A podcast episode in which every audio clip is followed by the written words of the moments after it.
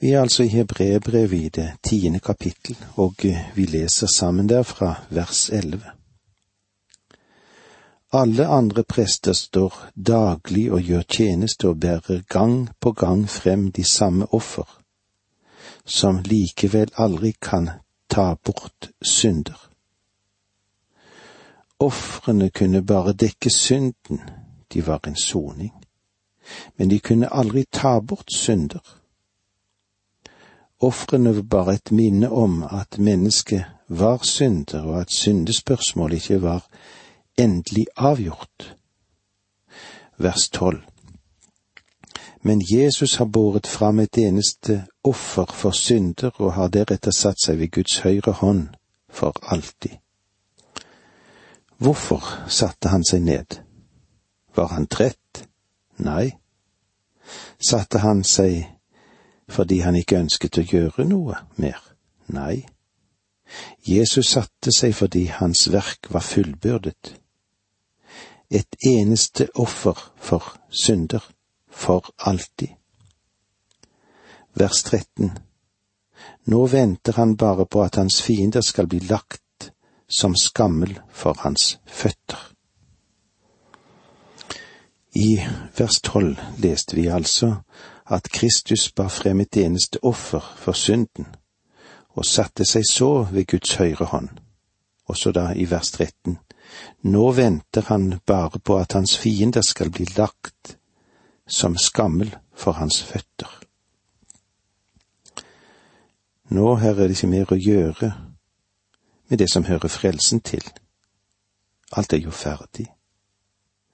Det som står igjen er at mennesker skal komme til ham at fiendene bøyer seg for ham, så de kan få det han har vunnet for alle tider. Han venter på fiendene sine. Etter at frelsesverket er ferdig, og han har satt seg ved Guds høyre hånd, venter han nå bare på sine fiender. Han venter på at de skal bli lagt under foten hans. Det er det samme som sies til oss i Salme 110. Sett deg ved min høyre hånd til jeg får lagt dine fiender til skammel for dine føtter. Jesus Kristus ved Guds høyre hånd er en ventende frelser. Ja, det står til og med at han bare venter på sine fiender. Eh, det er dette som lever i ham. Dette speider han etter, og dette venter han på. Dette er det som heretter må skje, at fienden enten må komme til ham eller bli overvunnet av ham. Og hvilken fiender er det han venter på? To slags fiender. Den ene sorten er de som lever i synd, i vantro og hat. Det andre er Satan og alle de åndsmakter som går ut fra mørkets rike, som rår i mørket i den tid i himmelrommet og i menneskelivet. De siste som jeg nevnte her, venter at en ikke skal bli frelst. Han venter på at de skal bli overvunnet, han venter på at de skal bli ryddet ut av himmelrommet, ut av menneskelivet, tatt bort fra jorden. Disse fiendene skal ligge som skammel under føttene hans.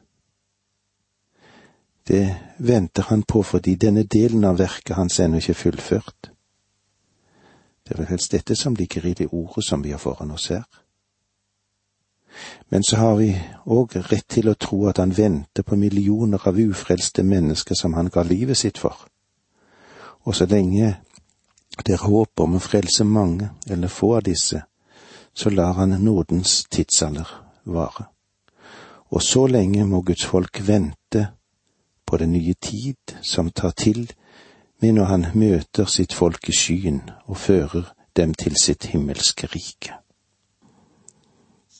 Herren bare venter, det er mange flere som skal frelses.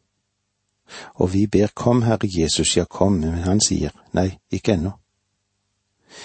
Vi må vente dette, for jeg ønsker å frelse mange fler. Han gir deg en mulighet, om du ennå ikke er frelst. La oss lese videre vers 14. For med et eneste offer har han for alltid gjort dem som helliges fullkomne. Det ene offeret gjør det ikke mange ofringer kunne gjøre. Om Kristus ikke kan frelse deg og bevare deg, da har Gud ingen annen vei til å frelse eller til å bevare deg. La oss lese litt videre fra vers 15 til 17. Også Den hellige ånd vitner for oss om dette. For først sier Herren, slik er den pakten jeg vil slutte med dem i de dager som kommer. Og deretter sier han, jeg vil gi mine lovbud i deres hjerter og skrive dem i deres sinn. Og deres synder og all deres urett vil jeg ikke minnes mer. Dette er den vesentlige delen som er et sitat fra Jeremia 31, der Gud sier, Jeg vil slutte en ny pakt med Israel. Gud er ikke ferdig med dem. Og om du vil lese Bibelen din, så vil du se det der. La meg minne om at i denne delen av brevbrevet ser vi den største splittelse i Guds ord. Det er som en veldig kløft plassert mellom den gamle pakt og den nye pakt, det gamle testamentet og det nye testamentet. Og la oss huske at Gud ga oss begge to. Når vi går tilbake til det niende verset, så legg merke til at det står han opphever altså det som først er nevnt, for å la det andre gjelde. Han tar altså bort det første, det vil si den første pakt, for at han kan opprette den andre pakt. Da den Herre Jesus døde på korset, så var det noe viktig som hendte. Forhenget revnet i to. Mennesket skal ikke lenger komme til Gud gjennom offer av okser eller geit. Nå har den Herre Jesus banet en vei for oss gjennom sitt eget legeme, en vei for deg og for meg. Legg nå igjen merke til vers ti. I kraft av denne vilje er vi blitt helliget ved at Jesu Kristi legeme ble ofret én gang for alle. Vektene ligger altså på at Kristus har brakt et offer, og at øvrige ofringer skal slutte. Det er interessant at helt siden ødeleggelsen av tempelet i år 70 ved romeren Titus har det ikke vært blodoffer i Jerusalem. Det blir ikke båret frem blodoffer der i dag, og sjansene for at det skal bringes slike offer i nær fremtid er meget små. Kristus tok bort det første for at han skulle opprette det andre. Viktigheten av dette kan ikke overbetones. Du ser at i den første pakt var det mange lover og regler. I den gamle pakt var en lov en lov som hadde mange detaljer. Og her møtte du seremonilovene, med mange forskrifter angående ofringene. Her hadde vi også de ti bud og andre bud og lovregler. Faktisk er det slik at lover og regler appellerer til menneskenaturen.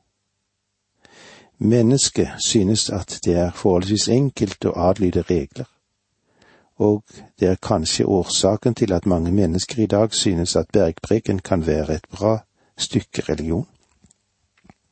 Det er ikke sikkert at de vet hva som står der, eller hva det betyr, men de liker den fordi det er noen enkle regler der som de lurer seg selv til å tro at de kan følge. Hele menneskeslektens historie og de mange kulturismer som springer frem i dag, er en demonstrasjon av dette, og de tror det er sant. Mennesker liker å leve med slike visse regler og følge visse ritualer som de synes er innenfor deres rekkevidde, og som samtidig gir dem en følelse av mystikk. Men nå lever vi altså i en ny situasjon. Jesus har kommet for å gi oss liv. Han sitter ved Guds høyre hånd i det høye. Han er opptatt med oss, og han vil hjelpe oss. Han vil hjelpe deg i din livssituasjon. Du kan ta imot ham, og han kan bli din frelser. Det var så langt vi kom i dag. Takk for nå, må Gud være med deg. Dette undervisningsprogrammet består av to deler. Åge Nevland fortsetter nå med andre del av dagens undervisning. Vi er i Hebreerbrevet i det tiende kapittel, og eh, vi ser på den store betydning som Jesus har gjort og er for oss. For med et eneste offer har han for alltid gjort dem som helliges fullkomne. Alt ligger altså ferdig hos Gud. Det står bare igjen at vi kommer. Vi har grunn til å tro at han slutter ikke opp å vente på sine fiender før det siste håp er sluknet. Fullendelsen av Jesu Kristi rike kommer først når ingen mer kan berges. Er det noen av oss han venter på? Er du kommet? En grufull synd snører deg kanskje inn i noe som du ikke kommer ut av. Du er kanskje i en vanskelig situasjon. Tenk på en far som står og ser etter den bortkomne sønnen.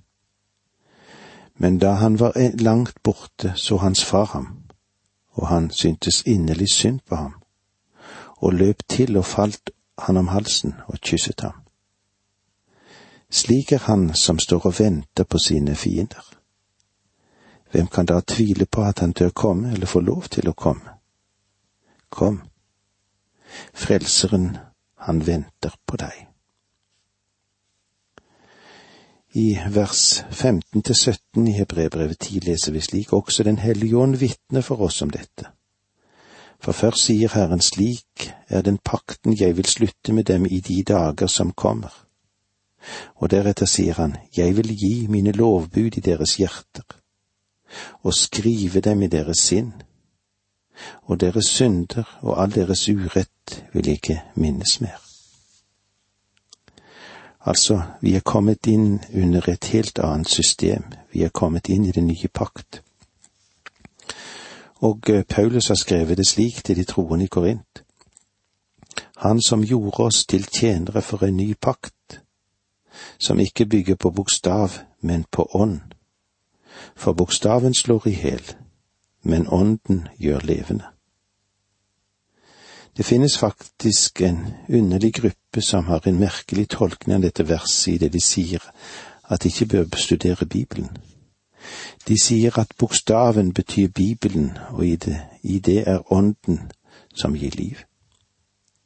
Det er ikke det Paulus sier. Og eh, det etterfølgende verset gjør dette klinkende klart.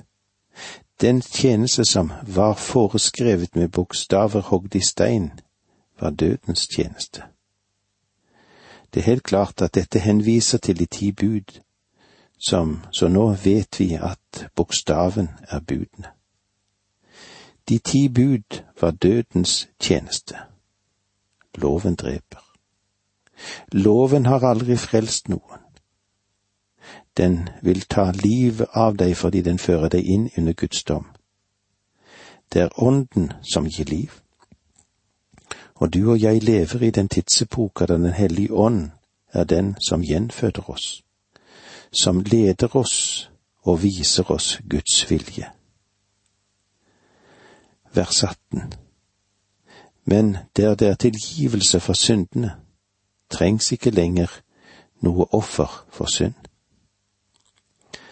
Offersystemet begynte med Abel og sluttet med Kristi død. Dette verset avslutter den læremessige delen av brevet. Men der det er tilgivelse for syndene, trengs ikke lenger noe offer for synd. Når vi nå går videre fra verset 19 til 25, så vil det være en oppmuntring for oss, så vi går inn i den praktiske delen av kapitlet. Og det taler om privilegier og ansvar. Vers 19 så kan vi da, brødre, i kraft av Jesu blod med frimodighet tre inn i helligdommen. Frimodighet har ikke noe med arroganse eller overlegenhet å gjøre. Det dreier seg om en trygg åpenhet. Legg nå nøye merke til dette hvordan vi kommer inn i det helligste, det vil si inn for Guds åsyn ved Jesu blod. Vers 20 Han har innviet en ny og levende vei for oss dit inn gjennom forhenget, det vil si hans jordiske legeme. Forhenget revnet i to da Kristus ble korsfestet, og det indikerte at veien til Gud var åpen. Gjennom forhenget, det vil si hans jordiske legeme. Legeme er det samme ordet som vi finner i prologen til Johannesevangeliet, der han sa at ordet ble menneske. Johannes sa ikke at det var en ny og levende vei åpen til Gud på grunn av inkarnasjon. Kristi liv, det er frelseringen. Vi går inn i det helligste ved Kristi blod. Og vår rett til å gå inn kommer ikke gjennom hans inkarnasjon, det at han blir menneske, men ved at han får forhenget til å revne, og det skjer gjennom hans død. Du og jeg har det privilegiet at vi kan tilbe Gud, ikke på grunn av Jesu liv, men på grunn av hans død for oss på korset. Denne, denne forskjellen er kolossalt viktig for oss å få med oss. En ny og levende vei. Ordet ny kommer fra det greske ordet prospatos, som betyr nyslaktet. Det taler om at den Herre Jesus Kristus har åpnet for deg og for meg en ny og levende vei til Gud gjennom sin korsfestelse, gjennom sin død på korset. De gamle ofringene vil ikke kunne hjelpe deg mer. Enn han har innviet en ny og levende vei for oss, dit inn gjennom forhenget, det vil si hans jordiske legeme. Det finnes en vei fra vår syndfulle jord til Guds hellige himmel. Og det er mange flere enn vi tror som leter etter denne veien. Gang på gang har det stått frem menn som mente seg å finne veien. Vi som er kristne vet og tror at det finnes ingen himmelvei uten gjennom Jesus Kristus. Han viste oss ikke bare veien, han er selve veien for oss. Alle som kom før og etter ham, vil lære om en annen vei, ja, hvem var det? Jo, det var blinde veiledere, det. Jesus er veien til himmelen. Han er Gud og menneske i én person. Han er hellig og ren, men han ble gjort til synd for oss. Han ble gjort til synd for oss. Han døde vår død og tok vår skyld og vår straff. Han sto opp igjen, og han har gitt oss nytt liv. Han gikk inn i selve himmelen og viser seg nå for vår skyld, for den allmektige. Og så skal han komme igjen og ta sitt folk til seg inn i sin himmel. Ja, Jesus er veien til himmelen. Han har innviet en ny og levende vei for oss dit inn gjennom forhenget, det vil si hans jordiske legeme. Er du på veien? Hvis ikke, kan du komme nå. Du kan med frimodighet kaste deg i hans armer. Bli så i ham med synd og sorg, med det du er og det du har, så skal han føre deg til det himmelske hjem det har han lovt. Vi går videre til vers 21. Når vi har så stor en prest over Guds hus. Det er et vidunderlig privilegium å ha en forsvarer hos Faderen, Jesus Kristus, den rettferdige som alltid lever for å gå i forbønn for oss. Gjennom forhenget da Kristus overga sin ånd der han hang på korset, da revnet forhenget i tempelet i to, og det åpnet veien inn til Faderens åsyn. Nå har vi altså fått en innbydelse. Noen tolkere mener at den retter seg primært mot de ufrelste. Men jeg tror det gjelder både frelste og ufrelste, siden vi har en øverste prest ved Guds høyre hånd. Vers 22 Så la oss tre frem med oppriktig hjerte i troens fulle visshet, med hjertet renset for vond samvittighet og legeme badet i rent vann. Dette har å gjøre med innvielsen av prestene i det aronittiske prestedømmet. Moses stenket dem med vievann, og de måtte være renset, som et uttrykk for at de var satt til side for å tjene Gud. På samme vis er det av vår innvielse Gud at han setter oss i stand til å komme ned til ham med et sant hjerte. I troens fulle visshet. Det har ikke noe med mengden av tro å gjøre, men det har alt å gjøre med objektet for eller målet for tro.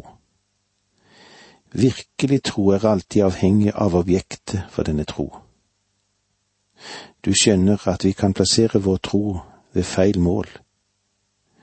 Du kan for eksempel knytte din tro til en person på jorden og bli skuffet.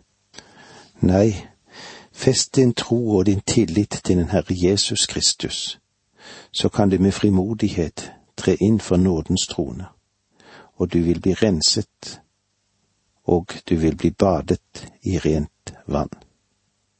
Takk for nå må Gud være med deg.